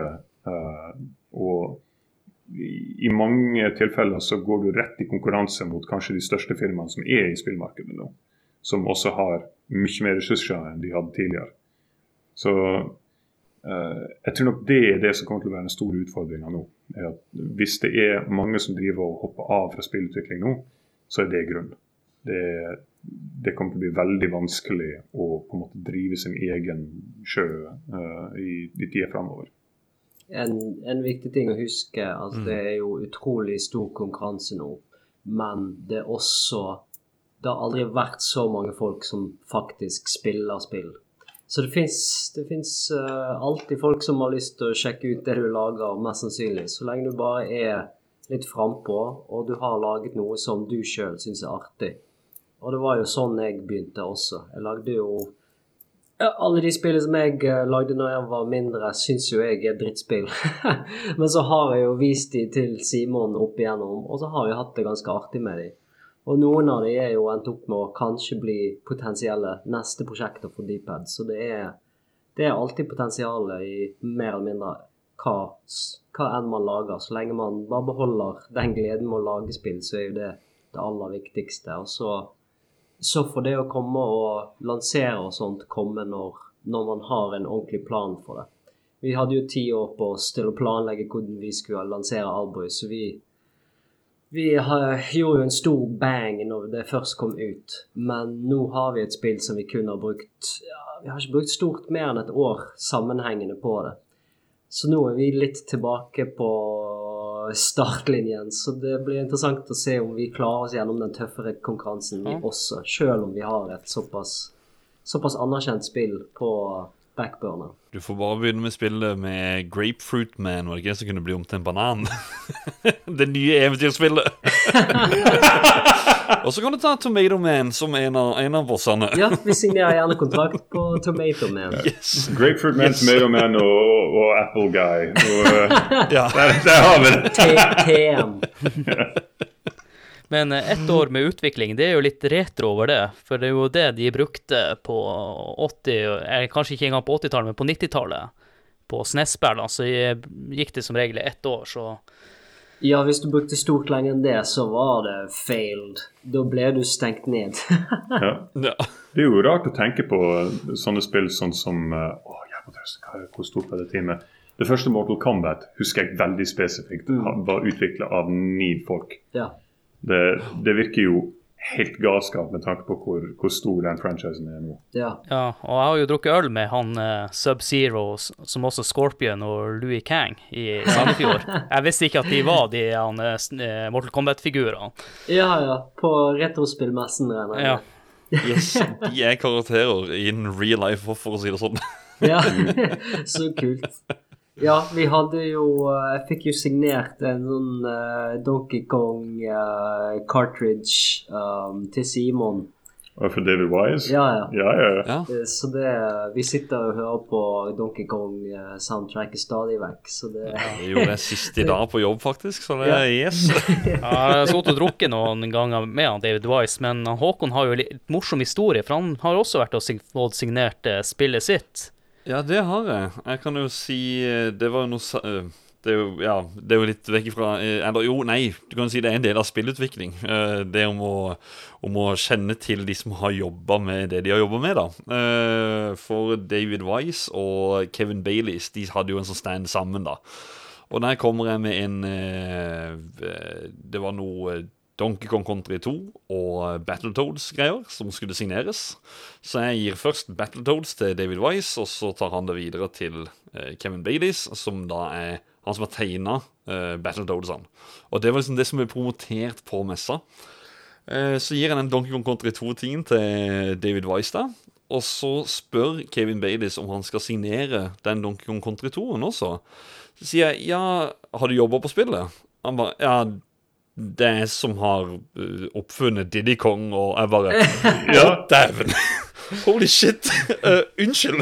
Ja, nei, jeg, jeg fant så- ut av det også. Det, det er veldig rart å se de er veldig tidlige prototypedesignet, For de ser jo veldig Battletoads-aktige ut. Ja, ja, ja, egentlig sånn, sånn når, når jeg da begynte å se der, så Oi, det er jo veldig likt design her, og, og, og alt sammen. Og jeg var jo kjempefan av Battletoads som, som liten, og når jeg plutselig ser at eh, han som har tegna Battletoads, kommer jeg bare Herregud. Så det var kun Battletoads som gikk i hodet på meg, ikke Donkey Kong Country 2 Ja, som jeg, jeg regner med du fikk med deg teaseren. eh, de har jo teaset en ny Battletoads nå, ganske nylig. Salaman Salamandos-greiene. Ja, vi får se hva det blir til. ja. Jeg er spent. Jeg er spent. du satt faktisk og hørte på eh, Battletoads Arcade-soundtrack her. Ja, det gjør vi stadig vekk. Ja, det er gøy. Nydelig. Og siden vi har spora av litt, så tenkte jeg kunne avslutte denne episoden med å eh, spørre dere Har dere noen tips til de som har lyst til å i, i framtida lage spill og bli spillutviklere? Hva, hva dere ville si til dem, da? Begynn med det du vet. Um, kan du tegne, så tegn gjerne spillet. Prøv å se det for deg, og uten at du Uten at du drar fram denne bibelen hvor det står hvordan du skal lage spill. Ja. Og ikke hør på folk altså når, Hvis man googler 'How to make games' på Google, da sliter man. Fordi det er så mange Det er så mange måter å lage spill på, og det er så mange som sier at 'Nei, dette er ikke måten du lager ordentlig spill på'. Dette her og dette her er måten du burde gjøre det på. Det jeg anbefaler alle å gjøre, er kanskje være med på et game jam. Se om det er noen lokale arrangementer man kan være med på. Eller møt folk på nettet. Altså, eh, før så var det jo sånn at man logget seg inn på et forum. Nå er jo ikke det veldig hot lenger, men nå går det jo an å finne utviklere på TikTok eller Twitter eller hvor som helst som deler tips stadig vekk. Jeg følger jo utrolig mange indie-utviklere som ikke egentlig lager spill, men bare sitter og koser seg i Unity eller i Unreal og lager eh, masse forskjellig. Ting som jeg skulle ønske at jeg hadde tilgang til når jeg var mindre. Men, eh, men ja, bruk de eh, verktøyene som, som faller naturlig inn. Lag gjerne spill i PowerPoint. Det er, det er vel veldig lav entry der. Finn ut hva målet er. Eh, altså, jeg, jeg pleide alltid å, å snakke om hva visjonen til Alboy var. Og det var, det var veldig mye det her med prøve å finne hva det er den tingen som du ønsker å oppnå i hodet ditt. Hva er, hva er den uh, Hva er målet som du skal sette liksom, pekepinnen din på og gå i den retninga? Og alt det andre kan du da bygge opp rundt det. F.eks. hvis du sier jeg skal lage et skytespill. Det er, det er det jeg har lyst til å gjøre. Og det skal være et skytespill der du kan hoppe veldig høyt. Uh, nå har du på en måte den, den pekepinnen som du da kan slenge all uh, lærdommen din inn i. Hvis du, litt det som Juremi eh, sa. Hvis du sk skriver inn på, på YouTube hvordan lager du et spill, hør akkurat på den biten som vil la deg komme over den knausen på det ene problemet som du har. Jeg har, jeg har ofte laget sånne sideprosjekter på egen hånd. Der La oss si at jeg vil lage et minimap. Og jeg har, jeg har veldig lyst til at spillet mitt skal ha minimap. Og så finner jeg en tutorial der det står uh, Here's how you make a minimap. Jeg bare skipper over alt tøvet som jeg ikke er interessert i, og så hopper jeg rett til den biten der. Ah, den biten i koden. Nå kan jeg bare rippe den ut, og så kan jeg gjøre det mye bedre på en annen måte. Uh, hvis, hvis du vil lage et, et plattformspill, uh, jobb på de tingene som du synes er artig med det. Uh, du har lyst til å lage design. Uh, du har kanskje lyst til å lage musikk. Du har kanskje lyst til å, uh, til å skrive interessant historie. Gjør de tingene. Og hvis det viser seg det at ok, for at det skal funke, så må du ha samarbeid med andre. Da lærer du veldig mye ut av det ved å treffe på andre. Hvis det viser seg det at ok, du må faktisk bite i det sure eplet for å uh, kunne lage det her sjøl, og du må lære deg noen ting som du ikke har lyst til, den visjonen med hva du har lyst til å få til, får deg gjennom den biten med frustrasjon. Uh, hvis du virkelig har lyst til å lage noe, så kommer du over den knausen med resten av det også. Så er det også viktig å huske på at man trenger ikke slutte i fulltidsjobben sin eller slutte å studere det man, det man holder på å studere for å begynne å lage spill. Det er så enkelt som at når man kommer hjem, så istedenfor at man sitter seg ned og ser på NRK eller Paradise Hotel eller hva som helst, sitt jeg her ved PC-en og prøver å eksperimentere litt med det du ser for deg. Og hvis du syns det er artigere å sitte og jobbe med det enn å sitte og spille Xbox eller se på TV, så har du funnet deg en hobby. Og derfra så er jo veien ganske klar og tydelig. Ja, det håper jo at eh, mange tar til seg de tipsene, og kanskje sjøl etter hvert gjør det samme. Men nå har jo en, jeg og Håkon en eh, hobby her som tar mer tid enn det vi hadde sett for oss i utgangspunktet. Vi skulle starte med podkast som var maks 30 minutter, og vi er nå i hvert fall langt over det. Og vi har aldri vært i nærheten av 30 minutter. Nei. Det blir alltid halvannen time ish. Ja, så, så det som skulle være et sideprosjekt, en annen podkast vi drev som heter Sidelinja, så har det her tatt eh, helt over, og sidelinja er jo lagt ned. Nemlig. Ja, det er sånn som skjer. Det er det. Ja. Det er det. Det er det. Eh, Håkon, har du lyst til å eh, plugge? Vi har jo inngått et samarbeid nå, så vi må vel nevne noen andre podkaster også nå. Mm. Vi er jo i samarbeid med flere podkaster under det som heter Lollebua Inc., eh, kalles det nå da. Da, vi, eller da kan du sjekke ut podkasten Lollebua, som er veldig på det dagsaktuelle innenfor spill og populærkultur. Spillrevyen de tar for seg én eller flere nyheter innenfor spillmediet. Ragequit, som er en eh, ja, frittalende rakett av uh, masse tull og tøys og, og eh, noe gaming. Uh, ja, mye moro. Uh, og så har du Likos univers med gjedda. De snakker om absolutt alt om det å grille, eller det man skal ha med seg når man skal på tur, eller ja, you name it. og for å ta litt sjøl her eh, angående spill. Eh, vil du ha litt sånn sweet merch med spillogoen på, som en T-skjorte, kaffekopp, hoodie eller et kokkeforkle, så kan du sjekke ut Spreadshirt-butikken. Og så har vi en Facebook-side, et Facebook-community og en Discord-kanal som dere kan bli med i. Det er link til alt dette her. Det ligger i beskrivelsen til episoden. Og så må vi som alltid eh, rekke ut en stor takk til Joakim Froholt, som lager en artikkel om alle våre episoder på spillhistorie.no. Og dere to gutter, har dere noe dere vil plugge på slutten? Vil vel egentlig bare si takk for oss, og takk for at vi fikk eh, preike høl i hodene på dere. Ja, Setter veldig pris for å bable en stund. Ja, vi er, altså, jeg, jeg, jeg har sagt lite til denne episoden. Jeg synes det har vært gull, rett og slett. Det har vært nydelig å høre på. Det har vært utrolig interessant, og uh, dere har overhodet ikke snakka hold i hodet. Men jeg har jo fått en mye bedre kjennskap til eh, eh, drømmejobben min, på en måte, da. Mm. Og bli kjent med alle aspektene. At eh, det er mye hobby, men også mye ha, hardt arbeid, og både oppturer og nedturer. Så jeg håper jo også du som hører på, har blitt bedre kjent med eh, hvordan det det å være spillutvikler. Mm. Ja, og så er det vel Dere har vel en nettside, har dere ikke det? Dpadstudios.com. Stemmer det. Deepadstudio.com og så Ja. alboygame.com. Ja. Så er det jo også mulig å følge oss på Twitter eller Instagram og Facebook. Vi kommer til å bli ganske aktive framover, for det er ikke lenge til vi letter på sløret nå. Ja, nei, Nå er det rett rundt hjørnet, så det er vel kanskje Jeg vet ikke om jeg skal si om det er veldig lenge etter det her, men det er Kanskje innen uh, den her går live, så uh, Mm. er vi litt nærmere. Tipper det. Vi gleder oss. Det gjør vi. Og utrolig spent og skal følge med fremover når dere slipper ut nyheten. Mm. Og da gjenstår det egentlig bare for meg å si tusen takk for at du hørte på denne episoden, og vi håper at du også vil sjekke ut andre episoder hvis du ikke har hørt gjennom alt allerede. Og da vil jeg si takk til han Simon og han Joremi, og takk til deg, Håkon. Og ha det! Ja.